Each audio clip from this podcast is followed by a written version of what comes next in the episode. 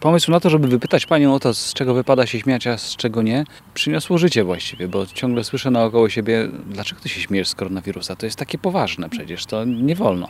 Ale czy naprawdę? No, wiele razy słyszałem dowcipy, widziałem memy nabijające się z wiele poważniejszych spraw. Zdecydowanie, to jest natura ludzka po prostu, że jeżeli mamy jakiś problem, nad którym nie mamy kontroli, staramy się tą kontrolę przejąć w ten sposób, że śmiejemy się z danego problemu, umniejszając go. W ten sposób przez chwilę mamy nad tym problemem kontrolę. I tak samo, jeżeli tworzymy mema o koronawirusie, owszem, nie pokonamy koronawirusa tym memem, ale przez chwilę chociaż będziemy się z tego śmiać, czyli będziemy mieć jakąś wyższość, władzę nad tym, kontrolę, którą utraciliśmy na co dzień. Czy chociaż na chwilę gdzieś w głowie czujemy się lepsi, to my jesteśmy zwycięzcami, udało się, no, samopoczucie się poprawia. Tak, no mamy wspólnego wroga przede wszystkim. Proszę zauważyć, polski naród jak żaden inny jednoczy się przeciwko wspólnemu wrogowi i to już wiemy od zawsze, że my musimy mieć wspólnego wroga. Co się stało? Nie tylko się śmiejemy wspólnie z tych memów, żartów, filmików o koronawirusie, dzielimy się nimi, udostępniamy, lubimy, komentujemy, przesyłamy dalej, tylko po prostu jeszcze tworzymy pewne grupy wsparcia fantastyczne. Okazuje się, że na internecie jest mnóstwo teraz grup wspomagających seniorów, którzy zostali sami w domu, czy wspomagających szpital, któremu brakuje wyposażenia, więc ogólnie jesteśmy jakby połączeni. No i śmiech też łączy. No bo jeżeli się razem z czegoś śmiejemy, no to jesteśmy bliżsi sobie po prostu. Mówi Pani o tym, że mamy wspólny mianownik, że no, no właśnie, wspólny wróg, wspólny mianownik, możemy się po, pośmiać zgodnie z czegoś, co nam wszystkim przeszkadza. Tak, no tak samo było w czasach komunizmu, prawda? Był wspólny wróg, ogólnie partia, tak? Czy można powiedzieć komuniści. I było mnóstwo żartów na ten temat i żarty na temat wroga czy oprawcy nie są niczym nowym. To jest jakby zakorzenione w, w ludzkich potrzebach. Yy, proszę zwrócić uwagę, że i w czasie II wojny światowej śmiano się z Hitlerowców, w obozach e, koncentracyjnych śmiano się z oprawców. Nie było nigdy takiej sytuacji na świecie, żeby ktoś jakby zupełnie powstrzymywał się od śmiania się z czegoś, nad czym nie ma się kontroli. Wniosek z tego jest prosty, mianowicie taki, że ten śmiech po prostu jest nam do czegoś potrzebny, tak samo jak powietrze do oddychania, jedzenie do życia. Mhm. Tak, wyjaśnia to teoria ulgi. Jest to teoria e, humoru, która pokazuje, że my się śmiejemy, żeby rozładować napięcie. Oczywiście cała akcja z koronawirusem tworzy to napięcie i faktycznie, tak jak wcześniej rozmawialiśmy, jeżeli ktoś cały czas wystawia się na czerwony pasek w telewizji i tylko czyta, kto jest zakażony, kto nie jest zakażony. Ilu przybyło. Tak, ilu przybyło, ilu było. A, a czy da się znaleźć takie rozwiązanie? A ile stracimy na tym? A, a... czy jedzenie margaryny na przykład pomaga koronawirusowi? Tak, dokładnie. E, a czy picie korony pomaga koronawirusowi? To też jest ciągle zagadka. Natomiast... E... Ja swoją drogą wie pani, że patronką e, epidemii jest święta korona niejaka. A ja mówię o piwie. Wiem. No, ale tak, tak, to jest wszystko, to jest bardzo dziwne. I dlaczego się z tego nie śmiać z drugiej strony? No, są takie jakieś przypadkowe właśnie z, zrządzenia losu i jedynym sposobem, żeby sobie z tym radzić, jest się śmiać, bo zobaczmy, śmiejąc się obniżamy swój poziom stresu, czyli działamy na korzyść dla siebie, bo my, jeżeli mamy obniżoną odporność przez stres, to właśnie prędzej złapiemy jakiś wirus. Więc to wszystko się do kupy można zebrać i ma to sens głęboki. Wspomniała Pani przed chwileczką, że ludzie śmiali się zawsze w, nawet w najtrudniejszych momentach, nie takich jak nasz koronawirus. To, to oczywiście jest pewna tragedia, no ale umówmy się, parę tragiczniejszych sytuacji w historii ludzkości było. Tak, zdecydowanie. I myślę, że żeby zrozumieć to, trzeba porozmawiać z ludźmi, którzy są bardzo chorzy, na przykład śmiertelnie chorzy i zobaczyć, że oni też się śmieją ze swoich chorób. Na przykład na onkologii jest śmiech, są żarty. Poważnie? Tak. Ludzie, ja osobiście znam takie osoby, e, które, którzy po prostu doświadczają, doświadczają tego problemu. Przechodzą oczywiście przez okres, gdzie wypierają to, ale w końcu godzą się jakby z tą sytuacją, w której się znajdują i kiedy się pogodzą, potrafią się zdystansować do tego, a śmiech humor jest sposobem na dystansowanie się do danej rzeczy. I znowu mamy sytuację, nie mamy nad czymś kontroli, no bo trudno, żeby ktoś powiedział, że ma kontrolę nad nowotworem, prawda? No, no jest to dobrze przypad... by było, ale chyba się nie uda. Tak, jest to przypadkowa rzecz, tak jak koronawirus. No, zdarzyło się, tak? No i możemy, prawda, płakać nad tym, możemy rozpaczać, ale możemy też znaleźć jakąś otuchę Więc e, dzięki temu, że się pośmiejemy z tego, oczywiście to niekoniecznie oznacza, że choroba totalnie zniknie, ale przez chwilę przestaniemy o niej myśleć. I to Forma też jest terapii, cenne. tak? Tak, to jest autoterapia. My sobie możemy zafundować taką aut- autoterapię w domu. Na przykład nie oglądać czerwonego paska.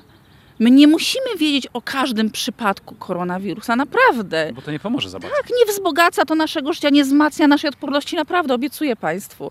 Ale włączenie sobie jakiejś fajnej komedii pewnie tak. Tak, bo obniża się nasz e, poziom stresu, patrzymy trochę z innej perspektywy na to. Przypomina mi się, nam się, że mamy oprócz tego koronawirusa cały szereg zainteresowań, całe życie przed sobą, prawda? Więc warto też o tym myśleć, ale komedii też nie trzeba oglądać tak pasywnie. Ja myślę, że Co pani ma na myśli mówiąc pasywnie? Ja myślę, że z komedii trzeba brać przykład. Teraz pojawiło się wiele Jako instrukcja obsługi? Tak.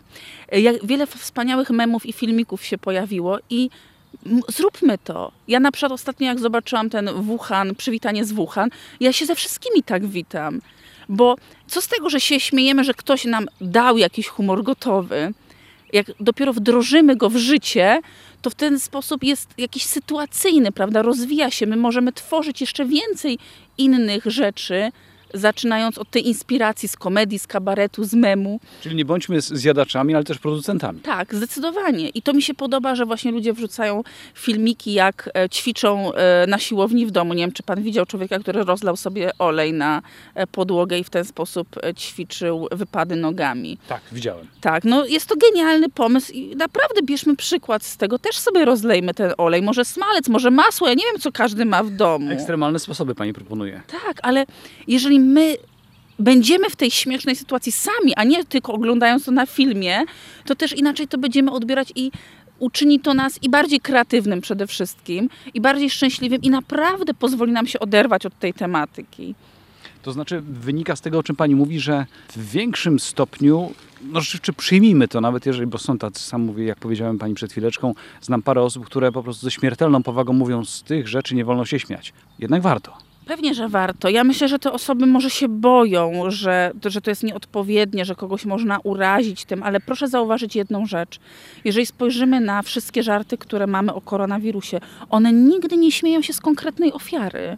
Tam nie ma e, nigdy na przykład żartów, że pan Kowalski, który zachorował na koronawirusa, jest tutaj wyśmiewany, czy e, jakieś zgryźliwe uwagi się mu czyni. Nie. My się śmiejemy z sytuacji. My albo się śmiejemy z paniki dotyczącej koronawirusa, czyli dokumentujemy te puste półki, wykupiony na tony ryż i makaron i tak Różne dalej. dziwne zachowania ludzi. Tak, dokładnie. Albo dokumentujemy na przykład kolejne e, postanowienia rządu, gdzie zamyka się różne rzeczy, gdzie na przykład rodziny muszą wreszcie spędzać czas ze sobą. Potworne, tak. Nieszczęście wielkie, muszę to przyznać. Zaraz o to panią jeszcze zapytam. Sumując, śmianie naprawdę pomaga. Zdecydowanie. Ja myślę, że warto naprawdę spróbować, bo jeżeli czegoś nie spróbujemy, to też nie wiemy, jak to może na nas działać, prawda? Ja osobiście nie oglądam wiadomości, jedynie w sposób przefiltrowany oglądam je w memach, czyli dzięki temu mam taki bufor, tak? Bo z jednej strony dociera do mnie jakaś prawda o tym, co się dzieje na świecie, że na przykład są zamknięte sklepy, prawda, czy restauracje, a z drugiej strony jest to zrobione w taki sposób, że ja się z tego śmieję, więc nie reaguję paniką na to. Czyli ma pani od razu odtrutkę. Tak, doskonałą.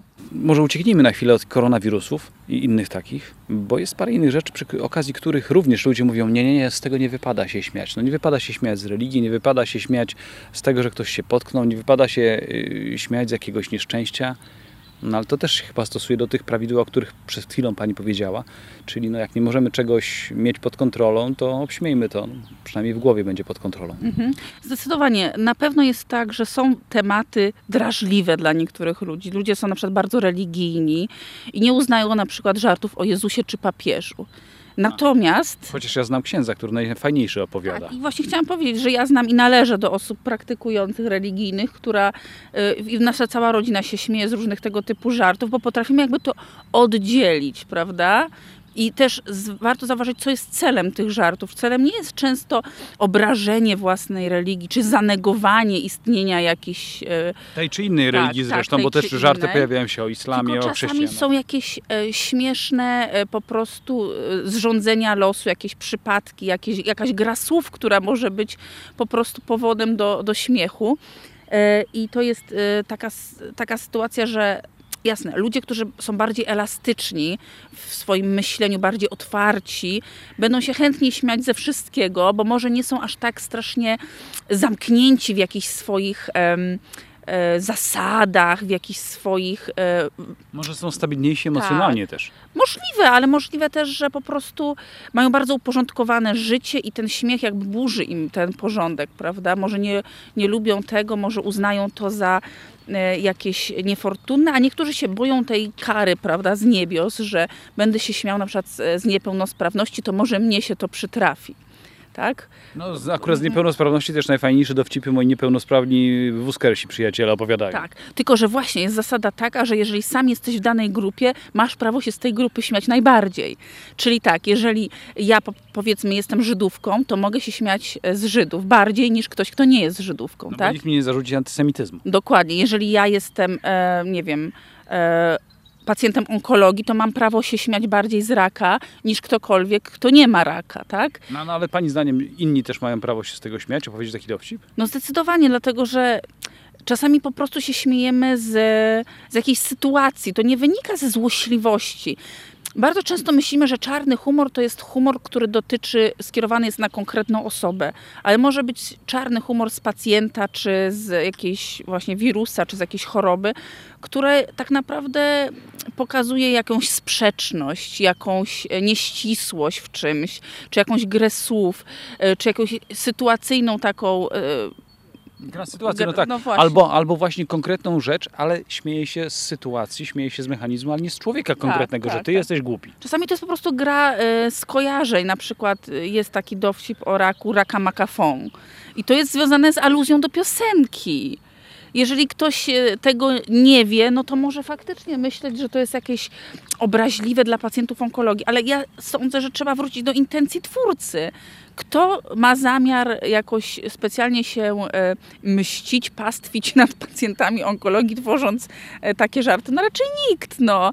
To pewnie jest rzadkość, żeby ktoś chciał specjalnie uderzyć w tę grupę. Masz jakieś ekstrema, tak. No, także e, to jest jedna ze spraw. I druga, bo już zapomniałam, co ja miałam pod, no, powiedzieć mądrego. No to wie pani, musi pani zapytać naszego przyjaciela z Wrocławia, Aloyza Alzheimera. Tak, tak, właśnie. A pracuję w jego budynku. Także może przeszło na mnie troszkę. Nie chciałem sugerować, że to trochę widać, ale okej. Okej. Pośmiejmy się z tego, nie będę się przecież na pana obrażać, przynajmniej tutaj publicznie. Y, No ale tak, tak, czy, tak czy inaczej, ten czarny humor, jak pani powiedziała, to jest też forma skanalizowania pewnych złych emocji, które mogą nam szkodzić. Jest też jeszcze jedna zasada, przesyt informacji. To się działo przy żartach o Janie Pawle II, bo był taki olbrzymi przesyt informacji w telewizji, w internecie, w radiu, w gazetach, cały Natłok. czas tak, natłok informacji, ciągle wałkowanie tego samego, ciągle mówienie o tych samych rzeczach. E, Już była analiza, jakie ciastka jadł papież. E, do, Kremówki, wiadomo. no wiadomo, ale to, to nie dość, że to, to pojechali, zobaczyli te kremówki, to zaczęło się te kremówki sprzedawać przecież w olbrzymich.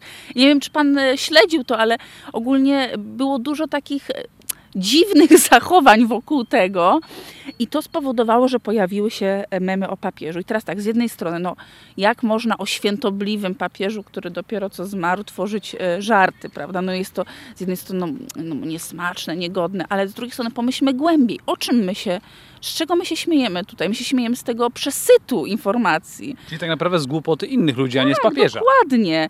Więc to, że głowa papieża gdzieś tam się pojawiała w tych memach, to jest jedno, a to, że cały czas była jakaś paranoiczna, paranoiczne zainteresowanie każdym aspektem życia tego zacnego człowieka, od po prostu narodzin po jego koniec, wszystko, wszystko musiało być wywleczone i, i, i przemaglowane po tysiąckroć, to ym, jakby prowokowało to ludzi do śmiania się z tego.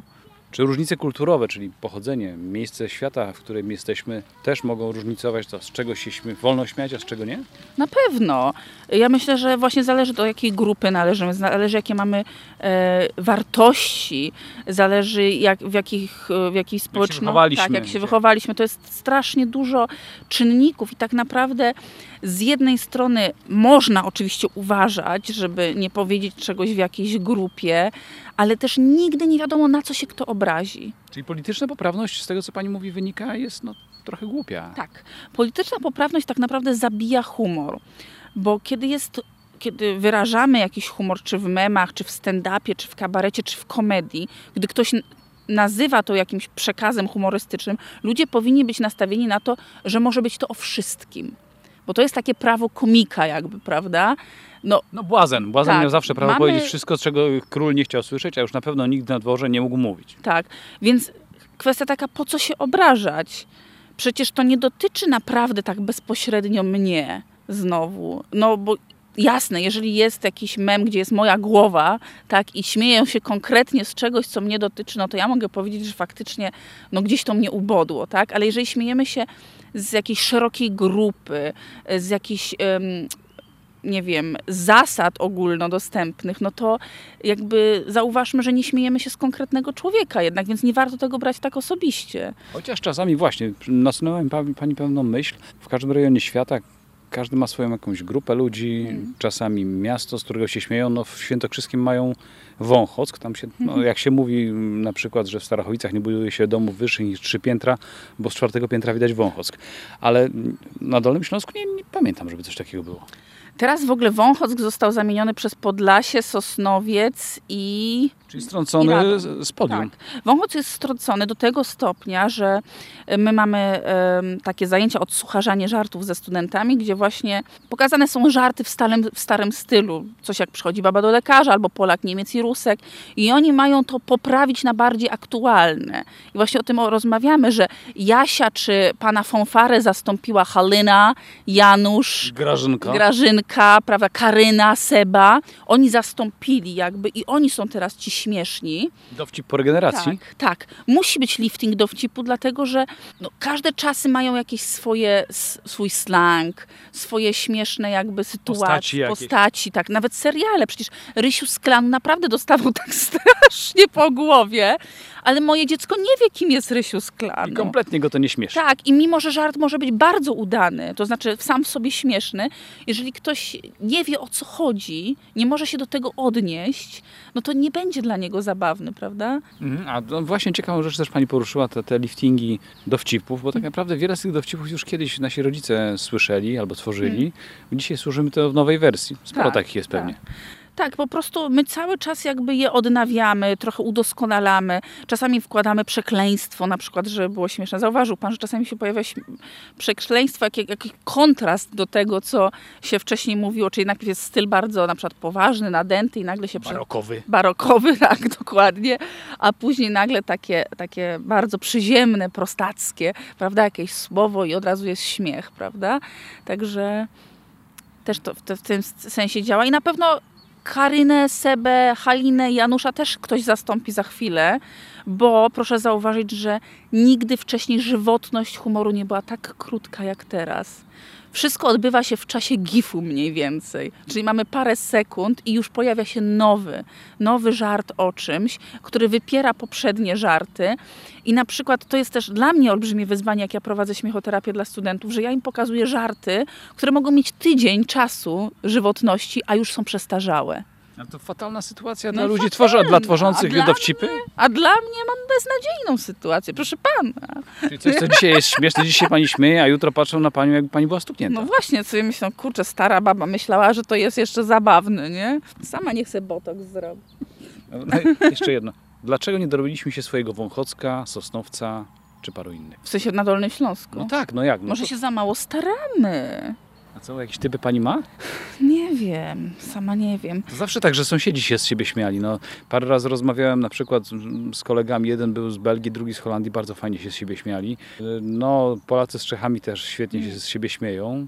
Jest w tym jakiś urok. Tak, ale jest też mnóstwo mini grup, do których nie mamy dostępu. Na przykład ja byłam w takiej grupie Polonii w Anglii, gdzie Polonia w Anglii się bardzo śmiała z, e, z służby zdrowia angielskiej i wszędzie były, wszędzie działały żarty o tym, że angielski lekarz przepisze ci na wszystko paracetamol, nawet na raka, prawda? I ja nie sądzę, że teraz jak e, bym tutaj to opowiadała, to by było to jakoś prześmieszne, ale chodzi też o zasadę istotności, tak. Czyli coś, co jest nam bliskie, coś, co nam dotyczy. Kontekst. Tak, dokładnie. Jeżeli ja na przykład studentom będę opowiadać żarty o rodzicielstwie, to dla nich to nie będzie takie śmieszne, bo oni nie mają dzieci, które wają kupa i siku cały czas, prawda? Oni nie wiedzą, jak to jest być budzonym 20 razy w nocy, więc trudno, żeby, e, żeby to było takie bliskie im, prawda? Także musimy też cały czas myśleć o tym, co jest dla danej grupy bliskie. To oznacza dużo empatii. Tak. Właśnie humor też jest empatią. Dlaczego? Można komuś coś powiedzieć bardzo wprost, bardzo chamsko, bardzo bezczelnie i nie używać przy tym żadnych e, ironii, sarkazmów, e, gry słów, nic takiego, tylko wprost. To może zranić kogoś. Ale kiedy zastosujemy humor, no to mamy taką jakby osłonę, taki kamuflaż do informacji, prawda? Jest krytyka w tym ukryta, ale też jest to troszeczkę łagodniejsze. Czyli można powiedzieć, jesteś głupkiem, Tak. ale słowami takimi, które nie Jesteś będą... mądry inaczej na przykład, prawda? Mimo wszystko są chyba jednak takie sytuacje, kiedy warto się ugryźć w język i powiedzieć mniej niż za dużo, no bo ten dowcip jest to przekroczenie granicy, za którą może nie być powrotu. Jeżeli mówimy o żartowaniu z kimś, a nie w postaci memów, gdzie nie ma ludzi jakby, oni są ukryci, anonimowi, prawda, nie wiemy kto stworzył, kto odbiera to, Nie, ja mówię teraz face a, to face. a twarzą w twarz, to wtedy musimy mieć relację z danym człowiekiem i znać tą relację na wskroś. To znaczy u nas w rodzinie bardzo dużo możemy tolerować żartów na swój temat, bo bardzo siebie znamy i wiemy, że ta podstawa to jest, że o siebie dbamy, troszczymy się, kochamy się i tak dalej. Jeżeli na przykład jest osoba zupełnie obca, to my humorem ją trochę testujemy tak naprawdę. Patrzymy, jakie są jej granice i wtedy możliwe, że się bardzo szybko zaprzyjaźnimy, kiedy się okaże, że ta osoba ma granice hen, hen, daleko, a może i w ogóle. Albo wprost przeciwnie. Albo wprost przeciwnie, będzie to koniec znajomości. I teraz tak, jak dużo kto pozwala sobie na co, prawda? Ja byłam kiedyś w takiej bardzo e, ciekawej sytuacji, kiedy badałam humor w pokoju nauczycielskim, że... A tam jest jakiś humor, naprawdę? Tak. Ja jestem nauczycielem z wykształcenia, nie przypominam Wszędzie sobie. jest humor. E, I e, nauczycielka, która była otyła, zaczęła żartować ze swojej otyłości. I wszyscy się zaczęli śmiać. I ja czułam, że nie powinnam się śmiać razem z nimi, jako osoba z zewnątrz.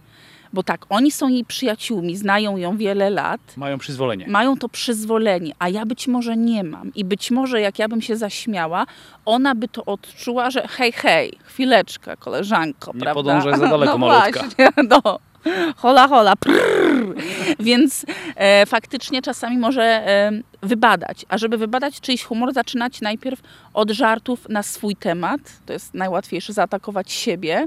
No bo nikt się nie Tak, przyczepi. lub żarty, które są grą słów, no bo trudno się obrażać o grę słów, czyli skojarzenia, które są przypadkowo śmieszne, tak? Więc to są takie bez, bezpieczny humor, jest też fizyczny humor, czyli jaś fasola, prawda? Potknę się tutaj, nabiję sobie guza. No, Buster Keaton jeszcze no paru innych. właśnie, tak. Więc dzięki temu możemy powiedzieć, że poznajemy czyjś humor, czyjeś granice. A kiedy wkraczamy na grząski grunt, no to już różnie może się potoczyć sytuacja, jeżeli kogoś nie znamy. Czyli tak naprawdę to jest trochę jak, można powiedzieć, na polu bitwy. Zanim ruszymy do ataku, trzeba dobrze rozpoznać, co przeciwnik e, robi i czym dysponuje. Tak, ale zdarzają się też ludzie, którzy od razu to łapią. Są tacy ludzie, którzy lubią tą zabawę słowną, lubią e, to takie odbijanie sobie piłeczki, powiedzmy, prawda? E, to jest pewnego rodzaju gra, w którą wchodzą od razu, bez przygotowania. Sotę bez panierki, po prostu. A zdarzyło się Pani kiedyś, że przy okazji, no Pani głównie bada to. Myślę, że każdy ma coś takiego na sumieniu, czyli takie pas, które, o Boże, co ja powiedziałam. Aha, chyba faktycznie kiedyś mi się zdarzyło, że, że coś powiedziałam, tylko nie mogę sobie teraz przypomnieć, co to było. W każdym razie jest jedna rzecz, na którą na pewno uważam i jakoś osobiście to traktuję bardzo, żeby się nie śmiać z niepełnosprawności, bo po pierwsze, pracowałam z osobami niepełnosprawnymi, a po drugie, jakby nie mam tego przyzwolenia, wydaje mi się, i gdybym się śmiała z czegoś takiego, to nie chciałabym, bardzo bym nie chciała, żeby ktoś się y, poczuł urażony. Bardzo by mi było wtedy przykro i, i czułabym się okropnie, na pewno. Czyli to jest to jedno tabu. Tak, tak, dla mnie, ale każdy ma swoje oczywiście. Dla kogoś to może być religia, ale z drugiej strony ja też na zajęciach zawsze mówię, że pozwalam studentom żartować o wszystkim i pozwalam, żeby pokazywali każde możliwe memy. I ja pokazuję im, że ja nie będę ich oceniać jakby na tej podstawie, co oni pokazują, bo też muszę być otwarta na to, prawda? Oni mogą chcieć przeanalizować rzeczy, które, z którymi mi nie jest łatwo, Ostatnio mieli właśnie prezentację o stereotypach polsko-niemieckich i to Niemcy przedstawiali. I z drugiej strony tak sobie myślę, no historycznie to faktycznie śmianie się z Polaków, tutaj Niemcy, a z drugiej strony właśnie muszę być otwarta i fajnie, że oni to zrobili z jednej i z drugiej strony. Z czego Polacy są znani, jakie stereotypy, z czego się śmiejemy i z czego my, czyli Niemcy się śmiejemy o, o sobie, prawda? To było takie równoważące, więc to też było fajne.